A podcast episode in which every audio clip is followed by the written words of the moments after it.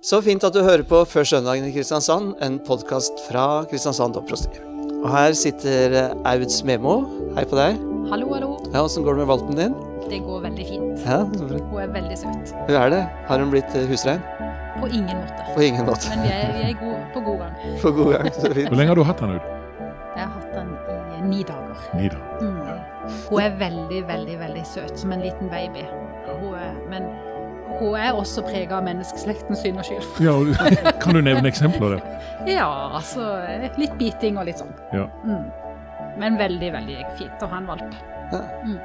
Jeg hørte rykter om at du synger nattasang for den. Jeg synger eh, en liten kveldsbønn, ja. Ja. Det har foreløpig ingen effekt. Det har det ikke alltid for oss. Jens Olai, du lever jo i en slags Noas ark, for du bor jo på gård. ja. Vi har husbukk, og så har jeg bikkje. Ja. Ja. ja, og så har vi to høner. Ja. Ja, så det er veldig flott. Det er nydelig med dyr. Det er noe veldig sånn nært og flott. Og så er det det når du har bikkje, det har jeg tenkt på noen ganger.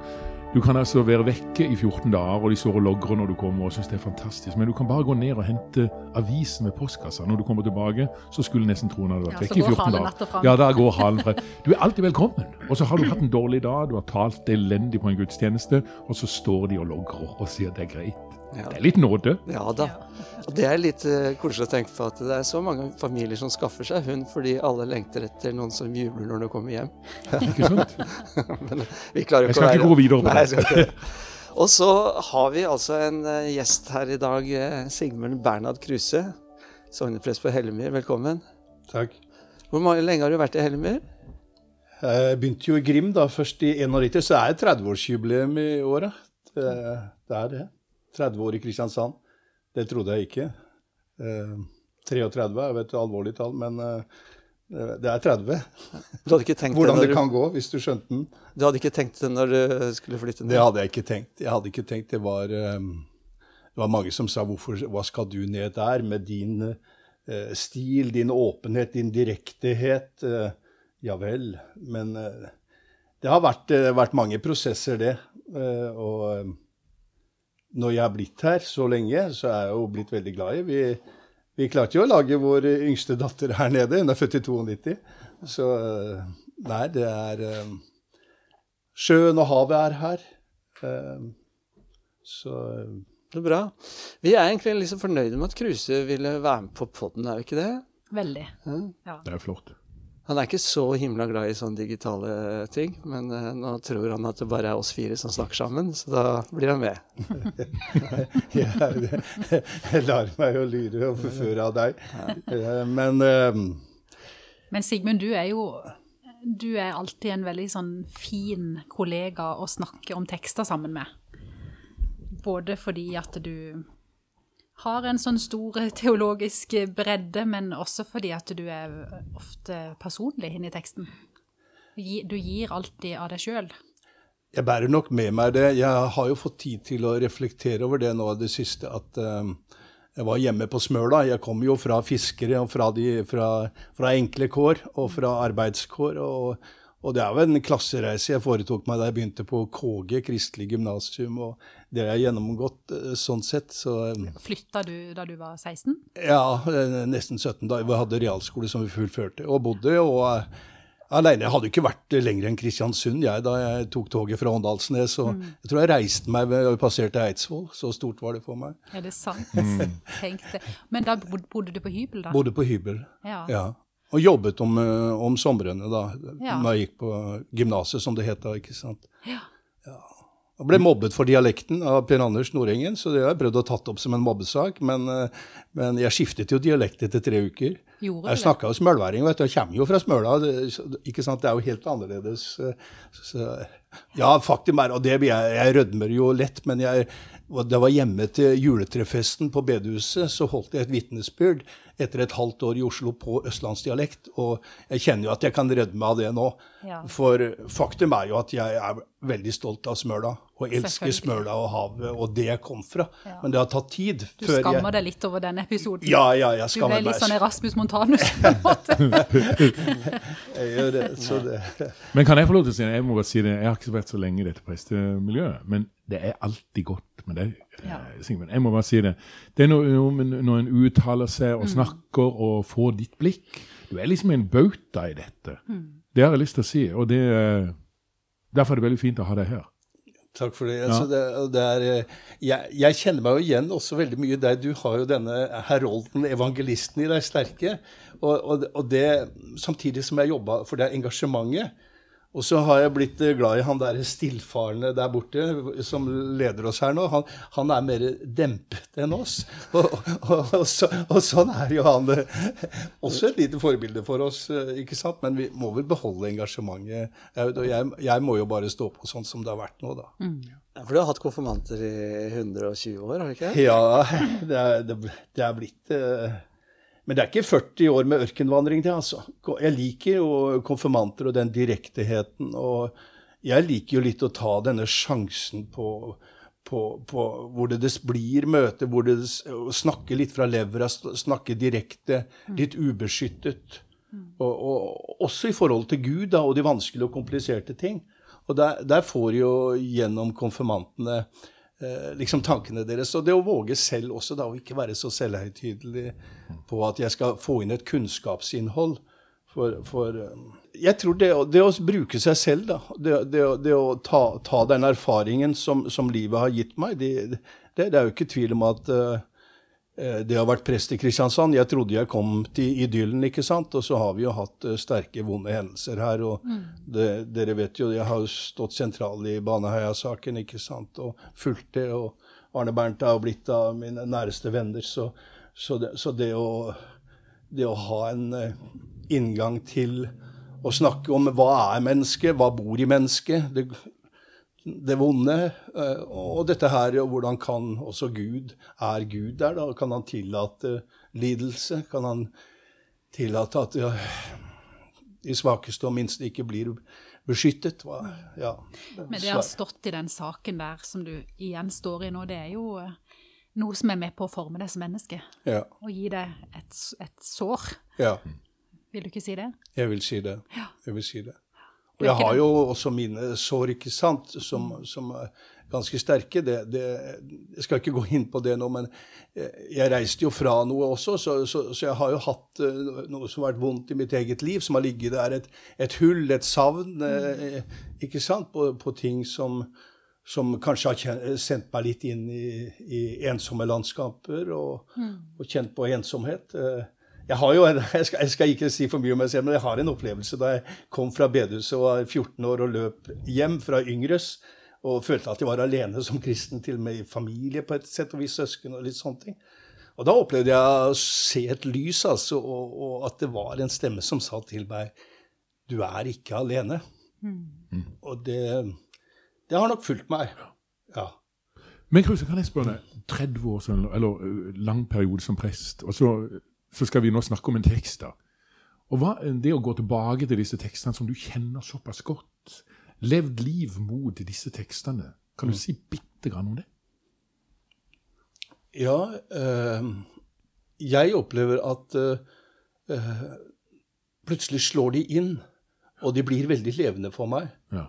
Uh, jeg husker eh, Det litt artige er at min storebror, som var trener til Nils, han døde brått, og han ble begravet i Lørenskog kirke. Da var det Torstein Lalim som hadde, hadde begravelsen. Og så leste han disse ordene om For jeg var litt sånn Ole, jeg fikk ikke snakket om troen, på en måte. Men så leste han denne teksten om at jeg skal ikke miste noen av alle de du har gitt meg. Mm. Så kjente jeg at det som jeg har lest mange ganger som et ritual, ikke sant, mm. med Jesus som den gode hyrden, det, det, det, gikk inn, og det gjaldt jo Ole sitt liv. Mm. Og, og det, det, kjenner jeg er litt viktig nå, å åpne meg for. Litt sånn barnlig tillitsfull. At dette, ja, dette kan du jo ta til deg. Mm. Dette kan du jo få lov å tro. Ingen skal noensinne rive dem ut av min hånd. Mm. Mm. Ja, i all ydmykhet, og typisk er det, så har jeg glemt å si navnet mitt. Nils Terje Andersen heter jeg. Jeg har altså hatt uh, broren til uh, Kruse som uh, oppmann på laget. Ole Kruse. Men uh, vi har jo en, en, en dag foran oss. Mm.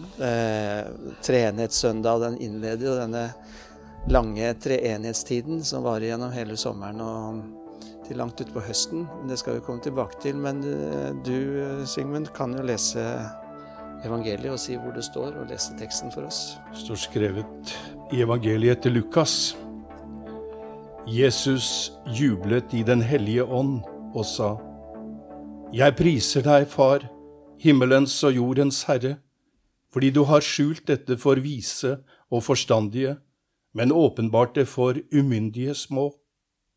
Ja, Far, for dette var din gode vilje. Alt har min far overgitt til meg. Ingen vet hvem Sønnen er, unntatt Faderen, og ingen vet hvem Faderen er, unntatt Sønnen, og den som Sønnen vil åpenbare det for. Da de var alene, vendte han seg til disiplene og sa, Salig er de øynene som ser det dere ser. For jeg sier dere, mange profeter og konger ville gjerne se det som dere ser, men fikk ikke se det, og høre det som dere hører, men fikk ikke høre det.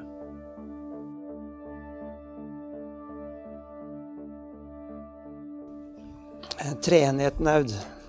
Treenighetssøndag, det er jo et ord som står ikke i Bibelen, det. Nei. Hva er det for noe? Det er jo en dag hvor vi kanskje skal sette ord på noe som ikke kan settes ord på. Er det ikke det? Mm. Det er en dag som egentlig egner seg mer til tilbedelse. Og ja, å bøye seg for noe større enn å bruke så mange ord. Men som prester så har vi jo veldig mange ord likevel som vi har lyst til å si her i dag da, i podkasten. Men dette med treenighet det er jo et mysterium som jeg syns er veldig interessant. Um, ordet treenighet står ingen steder i Bibelen. Men, men likevel så ser vi Faderen, og vi ser Sønnen, og vi ser Ånden.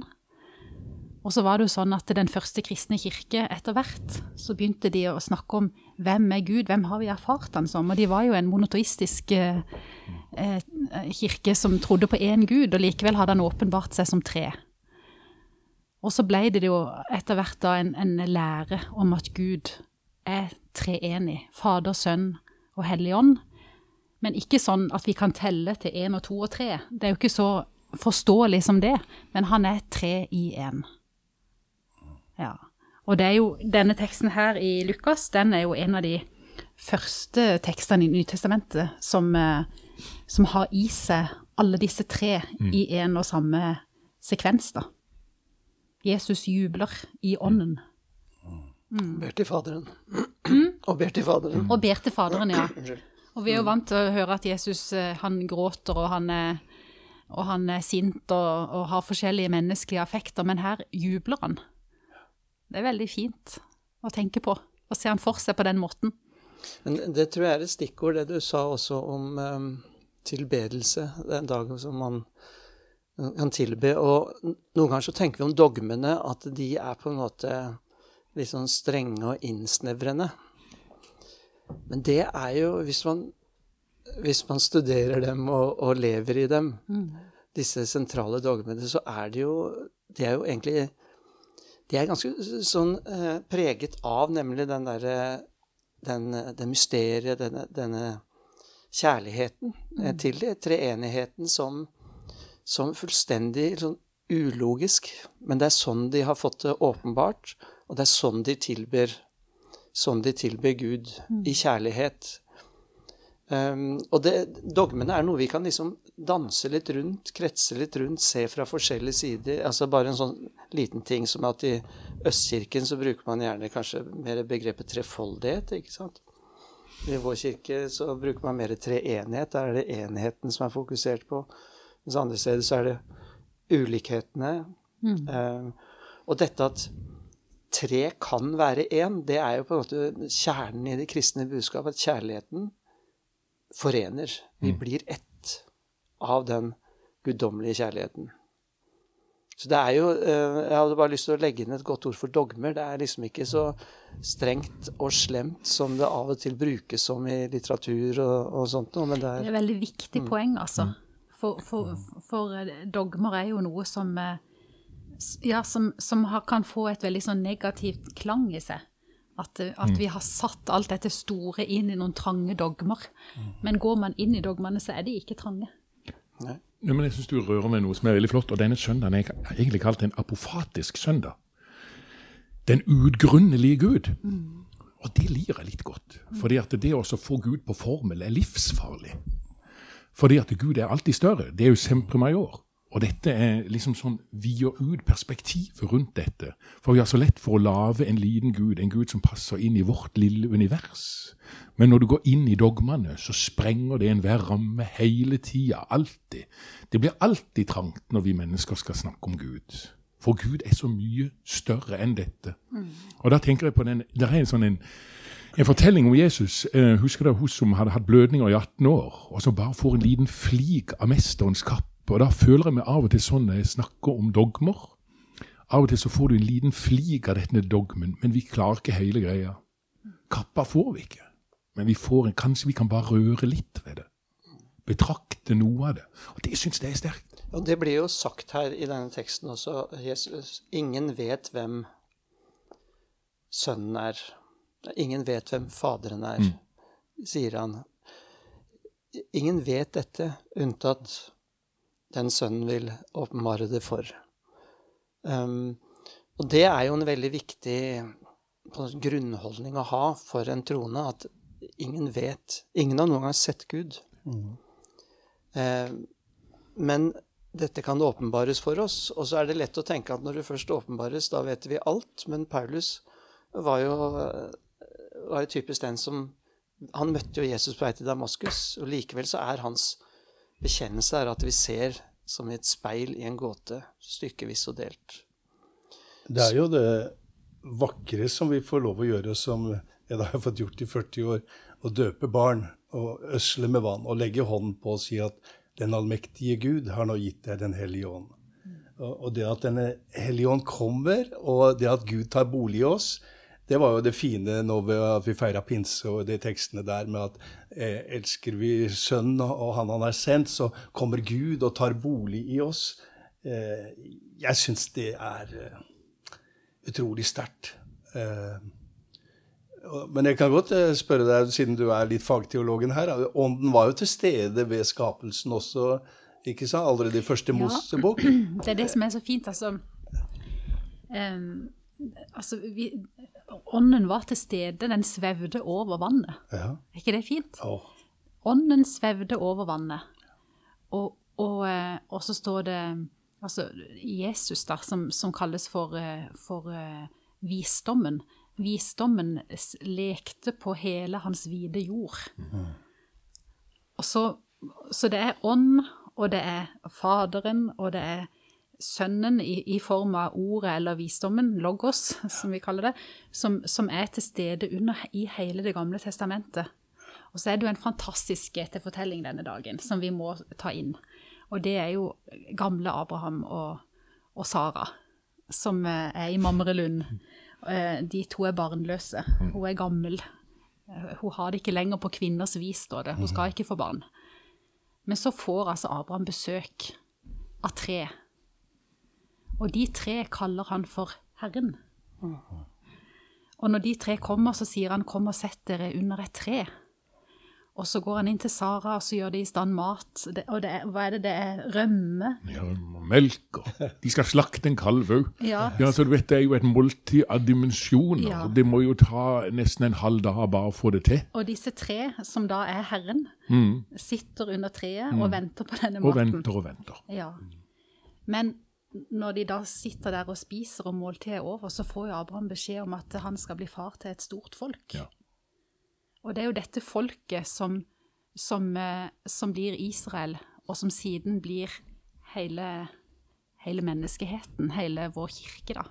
Som ånden Og det er jo- gis til. utvelgelse der som er så sentral i Ja. den jødiske tro. Mm. Vi tenker jo veldig fort at eh, jøder de tenkte at hvis de bare levde til budene, så, så, var de, så ble de frelst, liksom. Men de, det er jo utvelgelsen at de er valgt. Lenge før loven kom, så ble de valgt, utvalgt av Gud gjennom dette her. Og de tidlige kristne, de, de grep jo veldig fort til denne fortellingen. For eh, sånn som du sier, de, for dem var det den treenige Gud som besøkte dem. De, de var ikke så veldig lenge, mye i selve historien om hvor lang tid det tok å lage mat og sånt. Men, men, men det var, var Gud, det var, det var treenigheten som var på besøk. Og derfor så, Vi må jo liksom innom dette ikonet, veldig, veldig kjente ikonet til Rublev. Rublev ja. Hvor, hvor eh, de tre sitter rundt bordet, og eh, det er jo alltid sånn motsatt perspektiv, også. Mm. du blir på en måte sugd inn i bildet. Og det er helt sånn åpenbart at du inviteres inn da, som fjerde som fjerdemann når du står og ser på det. Og det er, det er, vel, det er vel hele det kristne budskapet i, et, eh, i en sum. At vi inviteres inn i Guds fellesskap. Jeg leste, jeg har lest det Unnskyld, Nils, men jeg har lest et lite hefte om det. Nei, men Det var egentlig veldig interessant. Det var det at det, nei, som sånn bare si det at eh, Jens Olai er alltid den som rekker opp hånda når biskopen spør har de lest den boka. Så har de gjort det. Men nå har Nils begynt å ta etter. Men allikevel. Men, nei, men, og, og det er hele dette Rublevs ikon, som, som han ble henta inspirasjon fra Abraham-fortellinga. og så trekker han dette inn da, og det er fullt av symbolikk. Du ser eh, nattverdkalk, og du ser altså Jerusalem, du ser skapelsen, du ser Altså alt kommer så tydelig fram. Og jeg synes det, det er utrolig Jeg bruker det faktisk til konfirmantene. Jeg tar og så kopierer det opp til dem. Jeg håper Rublev tilgir meg det. Men altså, og det er litt flott å bruke den der symbol... Eh, eller det billedbruket der for å synliggjøre disse tre personene i guddommen. For ofte så blir ånden bare diffus. Jesus er grei, han får vi holde, han klarer vi liksom. Gud er til, til, tilsynelatende. Men ånden blir vanskelig. Så jeg synes det å bruke også det kunstneriske perspektivet da, inn mot forkynnelsen og til, ja. til dette er utrolig viktig. Han fastet etter sigende 21 dager før han valgte det.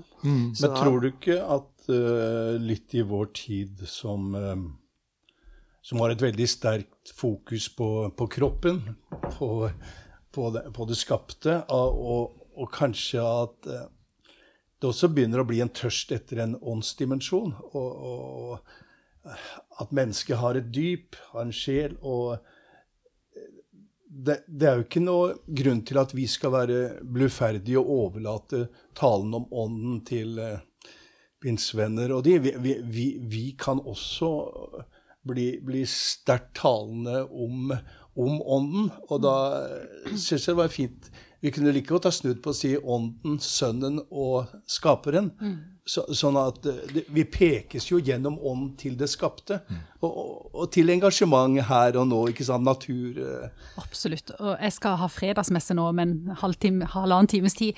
Og da skal jeg snakke om akkurat det, Sigmund. Om, altså, om, om eh, under skapelsen hvor, hvor Gud blåser sin livspust inn i Adam, sånn at han blir til et levende menneske. Og så er det den samme livspusten, tror jeg, som Gud blåser inn i sin døde sønn, sånn at Jesus får liv igjen. Og det er det samme livspusten han blåser over disiplene når han kommer og sier 'fred være med dere', og så ånder han på dem, og så sier han 'ta imot Den hellige ånd'. Så vi går jo på en måte rundt og har Guds pust i oss.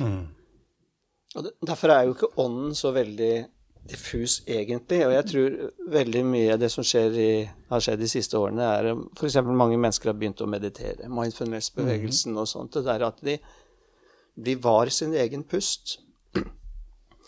Det er jo på en måte å være der i skapelsen. Altså, du nevnte det, ånden svevde over det mørke dypet. Eh, bare det der å legge merke til sin egen pust er på en måte å legge merke til noe som er der i livene våre, og som har vært der fra tidenes morgen, og som setter oss i kontakt med den store sammenheng. Så er mindfulness eh, helt fritt for guddommelige begreper og innhold og sånt, men jeg, jeg tenker jo at det eh, skal du søke, så er det noe av veien å gå, og legge merke til det som er, og livspusten i deg.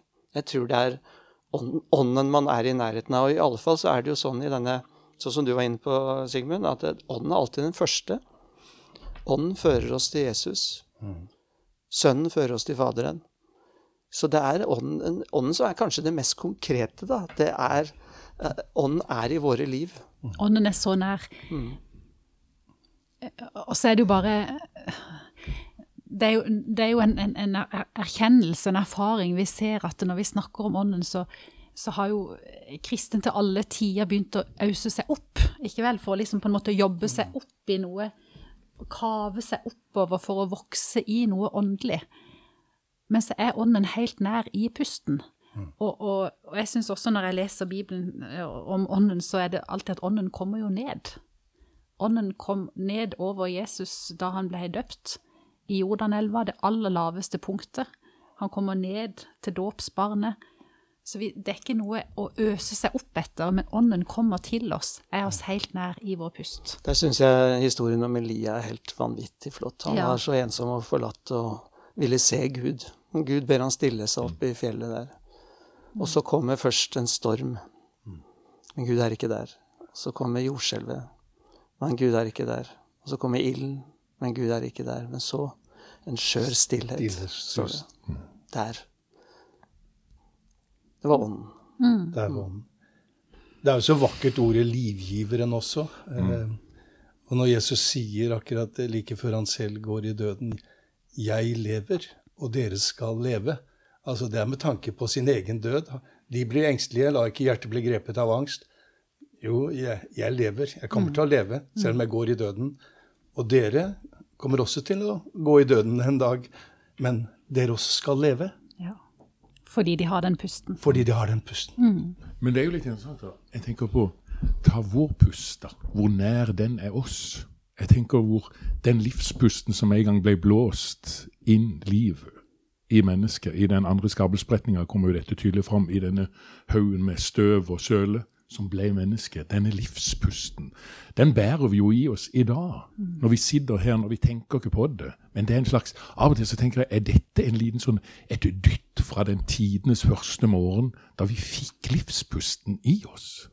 Og det er jo en fabelaktig tanke, egentlig. Det er det, og vi har blitt så sekulariserte at vi tenker at ja, men pusten, det er jo bare noe som er i naturen.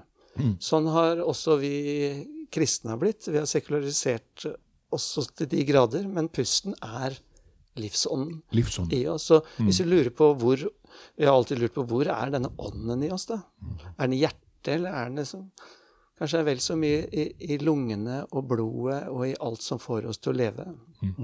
Jeg syns det er også interessant når Jesus sier i Johannes evangeliet det, når han møter disiplene etter oppstandelsen. Ta imot ånden, og så puster han på dem. Det er også dette med, med pusten, altså, og, og, og noe av, av det Er det dette dette han tenkte på i skapelsen? Den ånden som han ga liv, Ja, ja. den følger han videre. Men dere, hva er det han mener med da de var alene? Vendte han seg til disiplene og sa Salig er de øynene som ser det dere ser. Dette skulle profeter og konge gjerne ville sett, osv. Hva er det de har sett? Noen ord om det? Det er jo det at Jesus sendte ut eh, først sine tolv disipler, og så sendte han ut 72 til for å, ja, for å bære ordet om han ut i verden.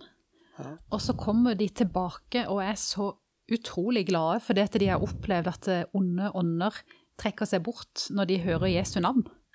Så, så de har erfart at, eh, at Gud er sterkere enn det onde, da. At Guds rike er nær? At Guds rike er nær. Guds rike har kommet nær. Ja, og Jesus jubler da i ånden. Men jeg syns det er litt flott når han jubler, for jeg har alltid tenkt på det at eh, først så sender han ut, som du sier, de tolv, og så er de 72. Og er det liksom sånn, er han, er han litt spent på dette? Er det en slags elevøvelse? Nå må vi se om dette funker. Og så sender han de ut, og så ser han dette fungerer jo rimelig bra. Denne her, disse her fiskerne, enkle menneskene, som går ut der to og to, og kommer tilbake med den erfaringsverdenen. Og så sier han 'yes'. Ja, det er en skjønn uh, Det er liksom tanke. en liten sånn Jo, men den barnslige Jesus, da, som, som, som, eh, som liksom tar litt fyr i sine egne følelser. Og derfor så, og derfor så jeg, jeg leste noe om jeg kan, eh, Lo Jesus? Ja, kanskje det er en, den, en frigjørende latter som liksom gir klangbong langt opp i himmelen. Dette funker. Og Ikke nødvendigvis av overraskelse, men av den, den opplevelsen du har hver vår. Du blir jo ikke overraska av at våren kommer, Nei. men den der lykken som fyller deg når dette nærværet av, av liv, og for han sin fars rike, Ja. han ser dette Så er det jo noe flott, syns jeg, på denne dagen da, hvor eh, dette her er umulig å få på plass rasjonelt og logisk, og det, så er det Det er Jesus som viser oss Gud. Eh, jeg, kunne, jeg kunne vel ikke trodd på Gud eh, hvis jeg tenker på det jeg både selv har opplevd av vonde ting, og det jeg har sett. hvis jeg ikke hadde sett Jesus. Og hvis ikke, hvis ikke Jesus er, er, blitt synlig for meg. Og, og, det er vel det også som er troen, sier han. At tro at det er han som Gud har sendt han. Så, så når du ser han Så, så det, er, det, er, litt viktig å holde fast ved det enkle der. At han som kom, ble inkarnert, ble menneske, og som viser hvem han er gjennom å vise kjærligheten til alle minste små, løfte opp de minste små. Da ser vi Gud. Så, og det kaller jo oss til å være hos jordens minste små nå også. I, inn i den tiden som er vår. Hvem blir, hvem blir små i dette klatresamfunnet, dette vekstsamfunnet, dette å bli sterk og, og, og det ja, Barna Ivaretar vi barna? Ser vi, ser vi flyktningebarna? Ser vi Kristus i disse. Men hva er det som er så bra med å være en uh, umyndig uh, liten i denne sammenhengen, da? Uh, jeg tenker nok det at I kanskje det som, som, som ikke blir slik vi hadde tenkt i livet, i det som går i stykker i, i, det, i det jeg tror at kjærligheten kommer til oss gjennom det. Men, men jeg er jo enig med deg. Eh, for nå snakker vi på, for så vidt på mange plan. Vi, vi skal, jeg, jeg, tenker ikke sånn. Ja. Det, det, er ikke noe eh, Her handler det vel egentlig ikke om, om de som eh, er forsvarsløse per definisjon. Her handler det om de som er små i møte med dette voldsomme, store åpenbaringen. Som ikke forstår. Og hengir seg en tillit ja. til at det er han, da. Mm. At, det, at, det, er Kristus, da. Og, og det, vi skulle vel ønske at vi hadde noe sterkere enn Kristus mange ganger. Noe sterkere enn korset. Noe sterkere enn en den kjærligheten som viser seg i, i, å gi fra seg makten. Og, og, ja. ja, og det er det også som jeg, jeg har rett og slett tatt med meg en eh, en eh, bok i kirkehistorie som vi hadde under studiet. Jeg fikk litt høye skuldre når jeg ja. så den boka. Ja, Nå begynner hun med bøker. Nei, men, men, det som er interessant, det er jo akkurat dette. Vi kunne ønske vi hadde noe sterkere. Og den, og den kirka som vokste fram da etter hvert, vi nå har vi nå kommet til 300 etter Kristus, der, eh, der strevde de jo veldig med altså, Kan Gud være så svak at han blir født, at han dør? At han bærer kjød, at han bærer kors, at han dies og gravlegges, at han legges i krybben eller i graven. Og ut ifra dette så vokste det jo fram en, eh, en ganske stor retning, da, Arius, som mm. mener at, at, Jesus han er skapt. Han er ikke før Faderen for, for alle tider, liksom, sånn som vi sier i den nikenske trosbekjennelsen. Men altså, Jesus han sier altså Jesus han må være skapt. For sånn kan ikke Gud være, liksom. For Gud kan ikke være mm. så svak som dette. Mm. Gud er heva over affekter, over følelser. Gud er den der stoiske roen. Mm. Jesus er jo alt det andre. Så han sier eh, han må være skapt. Det er ikke sånn at de er like, men de ligner hverandre. Og så, eh, og så blir jo dette da en strid som ender opp i det første utkastet til den, tro, den nikenske trosbekjennelsen eh, som absolutt er en stor ting å ta fram denne dagen. For ja, de som har mulighet til å bruke Den må leses, altså. Ja. Eh, født, der sier vi jo at han, han, er født, ikke skapt av samme vesen som Faderen. Ja. Men det var en umulig tanke eh, for, for, mange at Gud kunne være så svak på en mm. måte, og så alminnelig og så menneskelig. Mm. Men vi tror jo nettopp at det er det Gud er, mm. i denne treenigheten, som er som det finnes så mange bilder på, men som også det der bildet med dansen. Og der hadde du noen veldig fine eh, tanker i stad, Jens Olai, dette her med, med, med, treenigheten som en hellig dans. Ja, og det er Rikard Rohr som sier det. Jeg må bare finne det. De må ha det, og det er på engelsk også. Han sier her, for det, jeg syns det er så flott God is not just a dancer. God is the dance itself. Mm. Og det syns jeg egentlig veldig Men jeg må bare ta med når vi snakker om disse tingene, for det, det svager det der. Det er en annen som har sagt, og det syns jeg også er utrolig flott her Den som dukker ned i vannet ved Gud, dukker opp igjen ved sida av den fattige. Ja. Og det er noe med, med, med, med Guds Han identifiserer seg med mennesket. Og hva er det å være menneske? Til syvende og sist når vi står ribba for alt. Du blir kasta inn i denne verden, og du vet du skal ut igjen.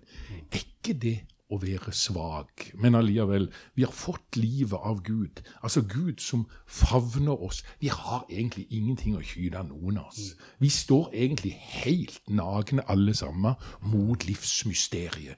Der er Gud. Der er- Der finnes Og der møter vi denne dansen. Og det er da han sier, når vi står splitter nakne alle sammen, og har ikke ett forsvarsverk, så sier han 'kom nå inn i dans'. Det er der jeg vil ha det. Får jeg lov å gi et dikt eh, av Olav og Hauge? Um, Born i leikar med krusbråt, bråt av ei skål dei fann, gled dei meir enn den heile gleda sin eigarmann. Ein bete med blåe rosor, eit lite krystallblankt skar, vert i deira augo til noko meir enn dei var. På bråt av mitt knuste liv, fann eg ei line mjuk, men hva pottemakeren meinte, det finner jeg aldri ut. Det er vakkert. Nå ser vi som i et speil. Ja. Og jeg lurer på om vi skal gå til landing der, ja, fordi det, det her ligger det også en veldig stor appell til eh, alle som søker eller leter. Det er jo å bli med i dansen. Det er flott. Eh, Ja, og da, da er det jo også en appell til de som bare syns dette er en vakker fortelling, som en litterær fortelling. Bli med i den dansen. Eller de som eh, har en sterk fornemmelse av Gud. Bli med i den dansen. Men utgangspunktet vårt er ikke det viktige der. Um, vi kan være ribba for alt som heter religiøst eh, gen, eller noe som helst. Utgangspunktet er jo den enfoldige kjærligheten. Det at du får lyst til å danse med. At du får lyst til å være en del av denne fortellingen, historien. Eh, denne Gud. Og det, det, det tror jeg vi glemmer ofte. At vi, vi tenker at vi må ha et eller annet spesielt religiøst, eh, en religiøs kapital eller en annen sult eller nød eller noe sånt. Men hvis du sitter der en julekveld og blir blendet av den fortellingen, ja, da er du der. Da har du mulighet til å være med og danse eh, videre. En dans som er i lyset og livet. Mm. Og hører livet til. Og så er det vel sånn at alle dansere er forskjellige. Ja. Det tror jeg er litt viktig. At du bør ikke danse sånn og sånn. Og jeg tror veldig mange har en opplevelse at ja, men hvis jeg skal være med i dette, så må jeg danse sånn og sånn. Vi har noen gudsbilder der som er helt forkvakla, mener jeg. Det er helt Nei. åpenbart at noens tro er en tango. Mens andre danser eh, Og jeg må jo si det, Nils, at eh, det største jeg har opplevd ved å være 30 år i Kristiansand, det er jo få lov å oppleve at eh, barna, barnekoret, kommer dansende til nattverdbordet. Ja. Og se, se den dansen og eh, se den gleden. Det, det har vært eh, veldig stort i mitt liv. Jeg var jo så religiøs at faren min sa du husker jo barnedåpen din, men eh, så, så jeg hadde vel noen gen av veldig religiøsitet i meg. Men uh, livet har vært å forsøke å, å åpne det, sånn at flere blir med og danser og, og kommer gledesfylt til nattverdbordet. Men altså, dansen, dansen er Vi danser forskjellig alle sammen. Og vi, og vi skal få lov å tro på vår måte, og vi puster forskjellig. ikke vel? Noen har, Vi kan puste i angst, vi kan puste rolig, vi kan eh, pu- ha vårt siste pust på en måte. Men puster. vi puster, og ånden lever i oss, Ja. også etter døden. Du, jeg hørte en veldig vakker historie, bare ta den, for dette har noe med gudsbildet å gjøre, hvordan vi forholder oss til dette. Og det var en som hadde drømt, han drømte, han hadde et vanskelig gudsbilde. Så drømte han i natt at han sto og heiv stein på gudsbildet sitt, han skulle knuse det. Og mens han står og blekker stein der, så står det en kar ved siden av også og begynner å blekke stein på samme gudsbilde. Så snur han seg til han, og så sier han, hvem er du? Er Gud. Ja. Og da tror jeg vi begynner å skjønne noe, at vi skal være forsiktige når vi snakker om den treenige Gud, men vi skal aldri slutte å snakke om det. For det er så sterkt. Det er sterkt, og så er det Mysteriet. ja, som vi skal bøye oss på. Ingen ser uten den sønnen åpenbare for. Kruse, nå skal du få lov til å lukke inn ved å lyse velsignelsen helt til slutt. Herren velsigne deg og bevare deg. Herren la sitt ansikt lyse over deg og være deg nådig. Herren løfte sitt åsyn på deg og gi deg fred.